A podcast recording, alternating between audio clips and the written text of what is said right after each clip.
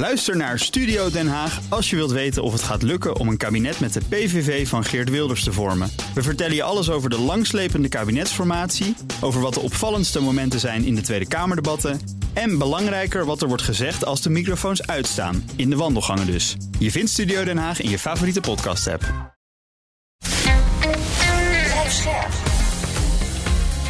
BNR Nieuwsradio. Boekenstein en de Wijk. Hugo Reitsma. Dit is een extra uitzending van Boekenstein en de Wijk in verband met de oorlog in Oekraïne en de crisis met Rusland. Het is donderdag, dag 246 van de invasie. En ik heb hier een vraag van luisteraar Arthur Klaassen. Die uh, verwijst naar Srebrenica, uh, langdurige verwaarlozing van defensie. En vraagt dan hoe, hoe kan het dat een hyperintelligente man als Mark Rutte gewoon niet de vooruitziende blik heeft om tien jaar geleden al te ontwaken uit de strategische winterslaap? Hoe kan dat nou? Die mensen hebben alle inlichtingen tot hun beschikking. Hoe kan je dan alleen maar op zo korte termijn drinken? Moet er niet een regeringsdenktank komen voor dreigingen in de toekomst, zoals de grondstoffencrisis die zal gaan komen? ik, ik, weet je, ik denk dat het korte antwoord is omdat Mark Rutte een Nederlander is. Eigenlijk zo simpel is het. Ik moest onmiddellijk toen je de vraag stelde denken aan uh, die nieuwe televisieserie over rampjaar 1672. Weet je wel, Hmm. 350 jaar geleden. Uh, toen was het, um, uh, het, het, volk was redeloos, de regering was radeloos en het land was reddeloos, omdat ja. we aan alle kanten werden aangevallen. En dat hield onder andere uh, verband uh, met het feit dat we gewoon onze krijgsmacht voor de zoveelste keer hadden verwaarloosd. En dat is daarna ook gebeurd. Hè. We hebben uh, de tijd van het gebroken geweertje gehad uh, aan de vooravond van de Tweede Wereldoorlog, waardoor we niet waren voorbereid. Nu hebben we dat, dat weer. dat, dat, dat duidt gewoon echt op een, op een, op een preoccupatie van Nederland, op handel, op, mm -hmm. op welvaart, ja, voorspoed dus in algemene zin. En niet op veiligheid. En dat is, dat is echt typisch Nederlands. Dat is echt typisch Nederlands. Nederland denkt namelijk dat de wereld een groot Nederland is. Helder voor altijd. Hè? Dat ja. mensen redelijk zijn en dat oorlog iets van het verleden is. Weet je? Ja. Dat denken wij. En ik heb zelf ook meegemaakt toen ik in die VVD-fractie uh, zat. Dat is leuk om te vertellen. Ja. Dat iemand als Blokker, die was altijd bezig om te bezuinigen. Hij zag Hmm. al die regeringsgebouwen en dan zei hij van al die ministeries. Daar moeten we er een aantal van afstoten, zei hij dan. Ja, weet je wel? Efficiency. En, ja, en dat met is, Defensie zei hij ook serieus tegen mij van Eindjan, en tijdens de Republiek gingen we toch ook gewoon roven. Kun je niet gaan roven? Dan kun je daarmee die wapens betalen en zo. Dat soort grappen werden er gemaakt. Ja. En het was trouwens, het was ook trouwens, de VVD was dan, had nog wel een beetje begrip voor defensie, hoewel ze voortdurend meededen aan de bezuinigingen. Hè. Maar als je bij, bij GroenLinks kwam, of bij de grachtengordel, om het zo maar eens te zeggen, ja, die moesten er, dan kon je met bommen en granaten, kon je bij Klaver Ja. ook niet aankomen. Hè. Ja, ja, nee, maar een andere reden is een afkering van leiderschap. Nederland heeft nooit leiderschap geaccepteerd. Dus Ja. de premier, dat is natuurlijk ook eh, de, de, de zwakte van de huidige premier, daar kan hij zelf niks doen, is een primus inter pares. Dat is een voorzitter van de ministerraad die ervoor moet zorgen dat er consensus wordt eh, bereikt. Eh, Rutte krijgt nu overal de schuld van, eh, omdat je toch iemand de schuld eh, moet geven.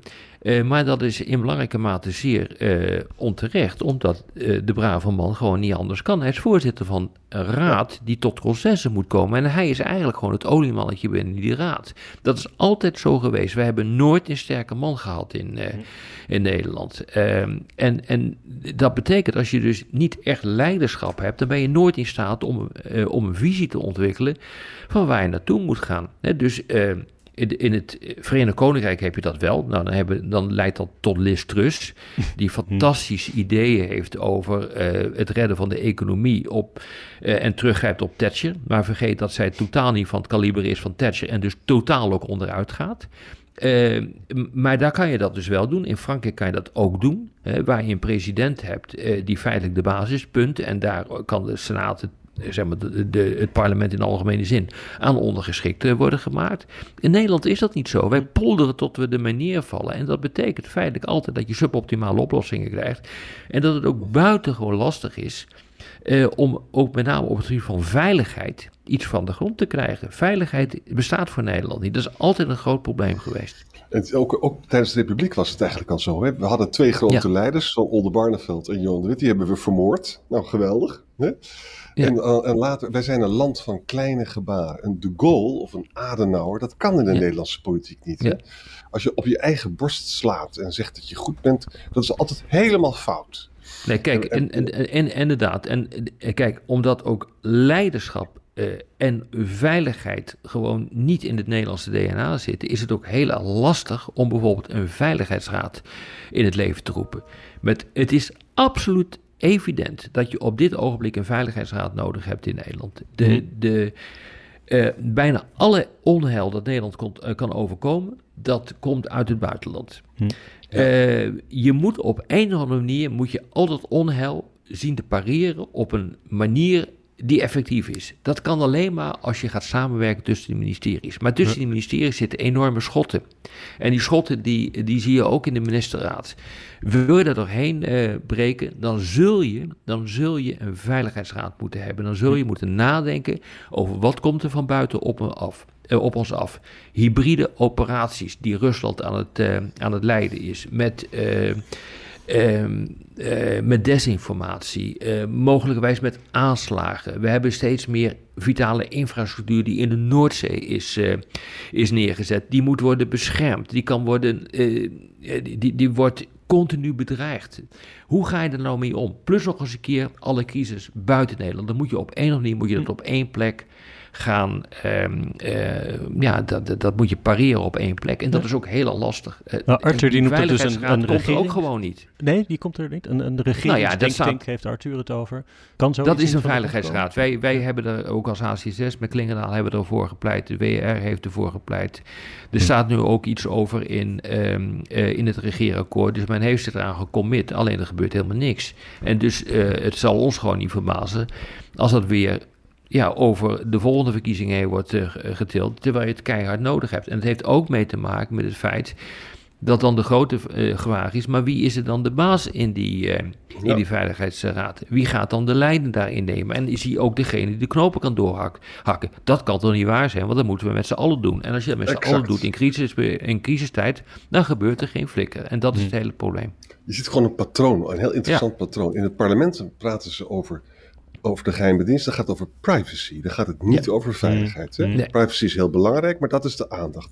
Als het over Qatar gaat, dan gaat het over mensenrechten, zeer terecht. Maar niet over dat we dat gas heel erg nodig hebben om de volgende winter door te komen. Exact, exact eigenlijk Jan. Dat is, dat is precies waar het om draait. Dat, is, dat zit gewoon niet in onze genen om daarover te praten. Hm. en dan ben je terug bij je eerdere opmerking dat we inderdaad denken dat de wereld één groot Nederland is. Maar als we dus de volgende winter grote problemen hebben met de energievoorziening, en, en dat wordt voorspeld door alle experts, en, en moeten dus echt coupons gaan uitdelen, moeten schaarste gaan verdelen, dan hoop ik dat mensen toch eens gaan beseffen, nou, dit gaat niet, dat hebben we misschien niet zo geweldig gedaan, dit. Ja, zo'n veiligheidsraad zou daar dus nu op moeten anticiperen. Die moet nu anticiperen op de, eh, de dreigingen die Nederland eh, kan overkomen. Wat gaan we doen met al die vitale infrastructuur, al die windmolens enzovoort mhm. in, de, in de Noordzee, waar je eigenlijk geen juridictie over hebt om ze te kunnen beschermen? Hoe gaan we dat doen? Natuurlijk zijn er denktanks in uh, Nederland. Ik werk voor zo'n uh, zo'n denktank. En die, uh, die scheiden het ene rapport af naar het andere. Maar wij hebben geen, wij hebben geen zeggenschap. Er moet dus een veiligheidsraad komen met zeggenschap. Dus die denktanks die zijn er wel. En waar uh, we gemeente dat er weer een nieuwe denktank wordt opgericht. Want zoveel expertise hebben we helemaal niet in Nederland. Om, uh, om een nieuwe denktank weer op te richten. Uh, bij het HC6 zitten we nu al met het probleem dat we de helft van de mensen uit het buitenland moeten halen. Omdat ze gewoon in Nederland niet te vinden zijn. Dus daar zit echt een geweldig probleem. Maar echt, jongens, veiligheid is iets wat altijd moet knokken voor, voor zijn bestaan in Nederland. Terwijl we aan de andere kant alle kanten bedreigd worden. Het is echt onvoorstelbaar hoor. Ja. het mooie van zo'n Nationale Veiligheidsraad is dat je dan, de voorzitter daarvan, die kan dan eh, permanent in de ministerraad komen ook. Hè? Ja. En gewoon vertellen, jongens, we zitten er penibel voor. Hè? Nou ja, van mijn part maak je dus een ministervoorzitter van de Veiligheidsraad. Dat kan natuurlijk. Maar dan heeft die minister moet ook voorzitters, uh, doorzettingsmacht hebben. En dat betekent eigenlijk dat bij voorkeur de premier, en dat, die discussie en die aanbeveling is ook wel geweest hoor de premier de voorzitter moet worden van de Veiligheidsraad en dan ook doorzettingsmacht krijgt. Maar ja, goed, met deze premier gaat dat nooit lukken. Hmm. Doe me ook even denken aan een verhaal dat ik volgens mij gisteren las in het Financiële Dagblad. Met een niet bij name genoemde CEO van een beursgenoteerd bedrijf dat zich recent had moeten terugtrekken uit Rusland. En die kreeg dan de vraag: moeten jullie straks niet ook weg uit China? En moet je daar nu niet op vooruitlopen? Nou, daar wilde hij niet over nadenken, want het was gewoon te pijnlijk. Die markt is te belangrijk en dus doen ze maar niks totdat het een keer fout gaat. Dus ook in het bedrijfsleven is die vooruitziende blik niet altijd. Uh, het, het, doet gewoon te veel pijn als je Nee, maar, Als je nu jongens, maar jongens, de wereld is keihard aan het veranderen. De wereld valt uiteen in blokken. Die blokken worden steeds autonomer. Uh, handel tussen de blokken zal absoluut uh, blijven bestaan. Maar de strijd zal tussen die blokken steeds meer gaan over grondstoffen, over energie, over uh, voedsel. Ga zo, maar, ga zo maar door.